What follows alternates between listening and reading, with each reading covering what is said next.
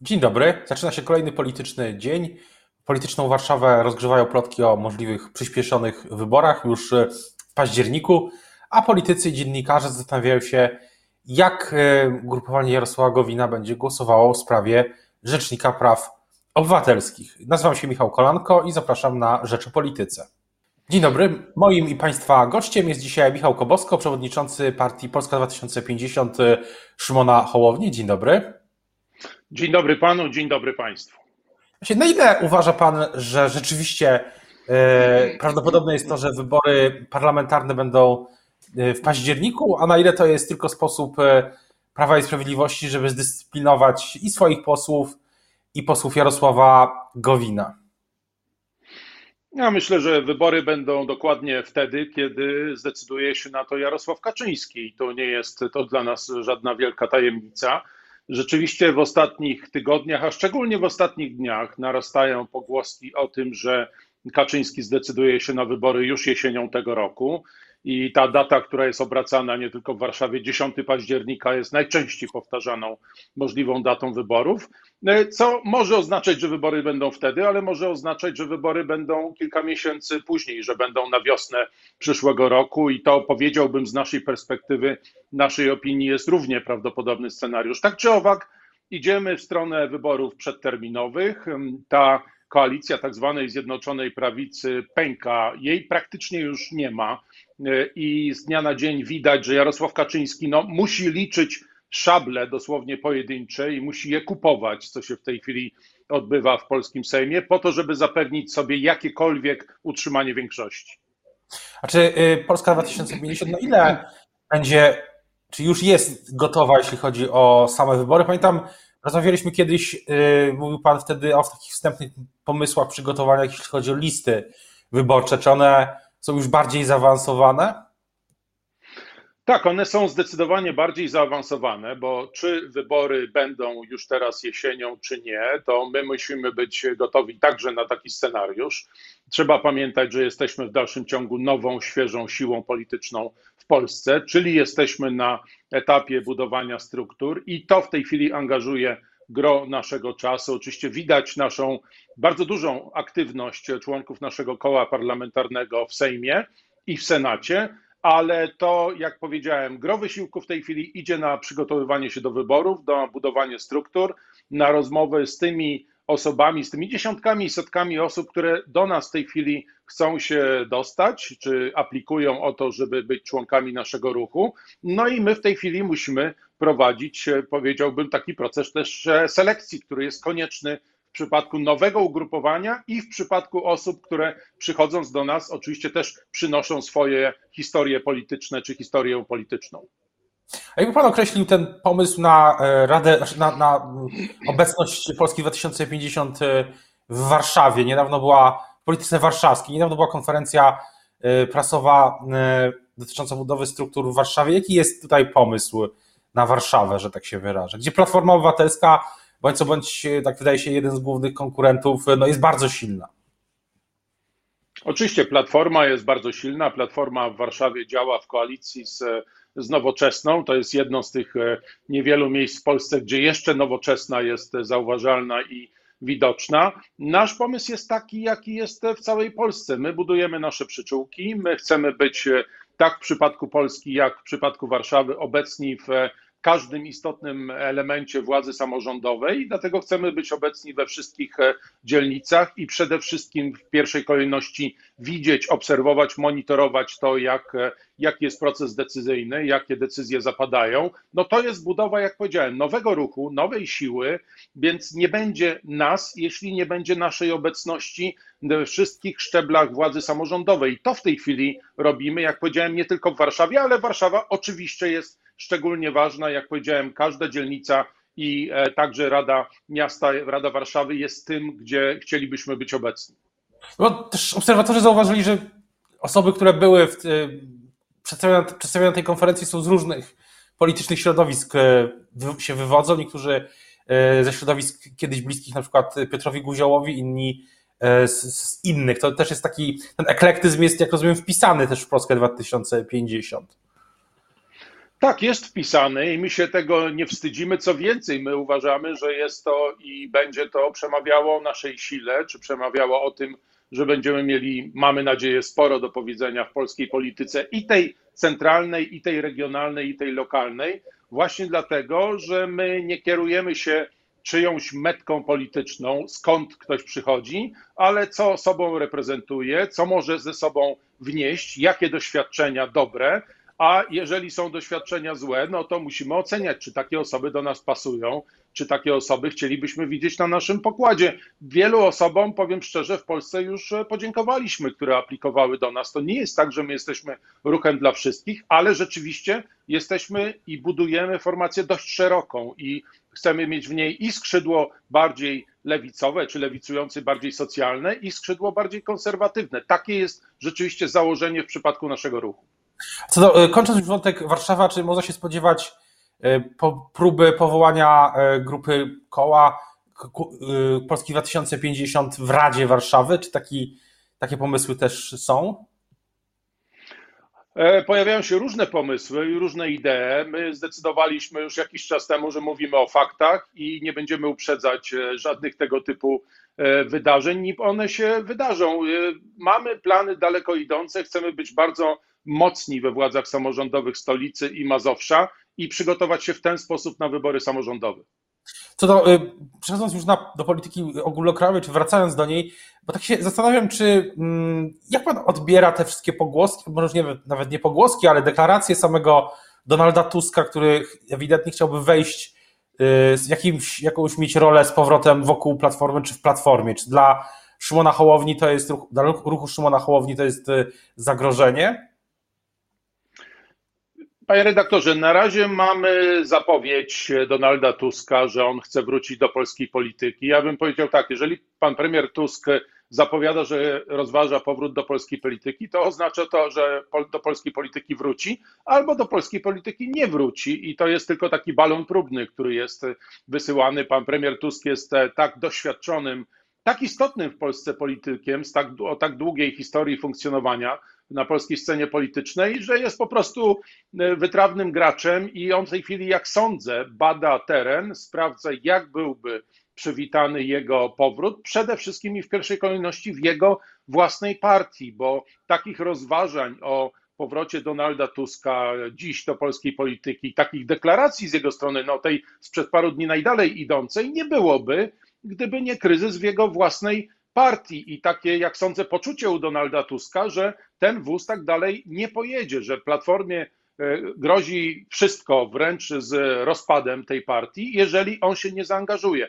Tak odczytuję jego intencje i to są dla mnie intencje absolutnie zrozumiałe, jako osoby założyciela kiedyś tej partii, która, który, który, który musi się martwić o to, w jakim kierunku ta partia będzie zmierzała, jak będzie się zmieniała. Natomiast no, jest pytanie, czy i jaką realną rolę w strukturach tej partii Donald Tusk chciałby ponownie zająć. Myślę, że to będzie przede wszystkim jego decyzja, jego decyzja, która oczywiście wpłynie także na funkcjonowanie innych uczestników gry politycznej. Właśnie, ale czy to jest tak, na przykład, czy Donald Tusk, czy pan albo pan Szymon Hołownia mają z nim e, kontakt, komunikację w sprawach politycznych, nie wiem, ogólno, ogólnoopozycyjnych, bym tak to ujął? No, premier Tusk mówił ostatnio, że rozmawia, mówił ostatnio w wywiadzie telewizyjnym, że rozmawia także z innymi uczestnikami e, sceny politycznej i tak, e, rzeczywiście tak jest, że, e, że Szymon Hołownia ma kontakt z premierem Tuskiem i powiedziałbym, że trudno się temu dziwić. Jeżeli Donald Tusk chce wrócić, no to musi siłą rzeczy rozmawiać nie tylko z kolegami ze swojej partii, czy, czy z kilkoma liderami, z Borysem Budką, z Rafałem Trzaskowskim, pierwszej kolejności, czyli dwoma liderami swojej partii, ale także z Szymonem Hołownią, z Władysławem Kosiniakiem Kamyszem. Myślę, że to są te osoby, które dla Donalda Tuska dzisiaj są naturalnymi partnerami do rozmowy o tym, jak ewentualnie w przyszłości konstruować scenę demokratyczną, scenę opozycyjną, scenę w Polsce. A e, wracając na chwilę jeszcze do tego, tego scenariusza Polski 2050 e, na, na przyszłość, to e, czy czego się Pan jeszcze spodziewa w czerwcu? Jakie dla Pana zdaniem są, Pana zdaniem są kamienie milowe, jakieś ważne punkty jeszcze przed tym umownym sezonem wakacyjnym, jeśli oczywiście będzie? Hmm. No to jest właśnie wielkie pytanie, czy ten sezon wakacyjny realnie w tym roku będzie. Ale zakładając, że on będzie, bo myślę, że wszyscy Polacy generalnie czekają na ten sezon wakacyjny. On jest najbardziej wyczekanym sezonem i politycy też ludzie i też mają prawo oczekiwać na wakacje, ale zanim do nich e, dojdzie, pan zapytał, e, czego się spodziewam. Spodziewam się absolutnie wszystkiego, jeśli chodzi o polską scenę polityczną. To będzie kilka niezwykle gorących tygodni na tej scenie. Zanim dojdzie do przerwy parlamentarnej, no, mamy, wiemy, że mamy w lipcu Kongres Prawa i Sprawiedliwości, który zapewne żadnych sensacji nie przyniesie, no ale ma być takim umocnieniem Jarosława Kaczyńskiego, kolejnym, ma być umocnieniem Mateusza Morawieckiego. Bardzo oczywiście ciekawe, czy do tego dojdzie i jak będzie wyglądała ta scena wewnątrz PiSu, ale wcześniej to będą głosowania w Sejmie. Mamy nadzieję głosowanie nad odwołaniem wicemarszałka Terleckiego, bo bardzo mocno zasłużył na to, żeby takie głosowanie się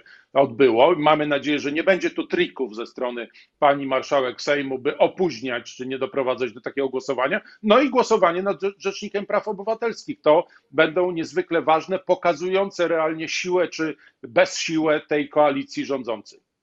A jak Polska 2050 będzie podchodzić do propozycji, czy do polskiego, ogólnie do polskiego ładu, zarówno w sferze e, Sejmu, jak i w takim, jeśli chodzi o taką koncepcję polityczną, czy, czy będzie polski ład, Polski 2050, jakaś kontrpropozycja szersza?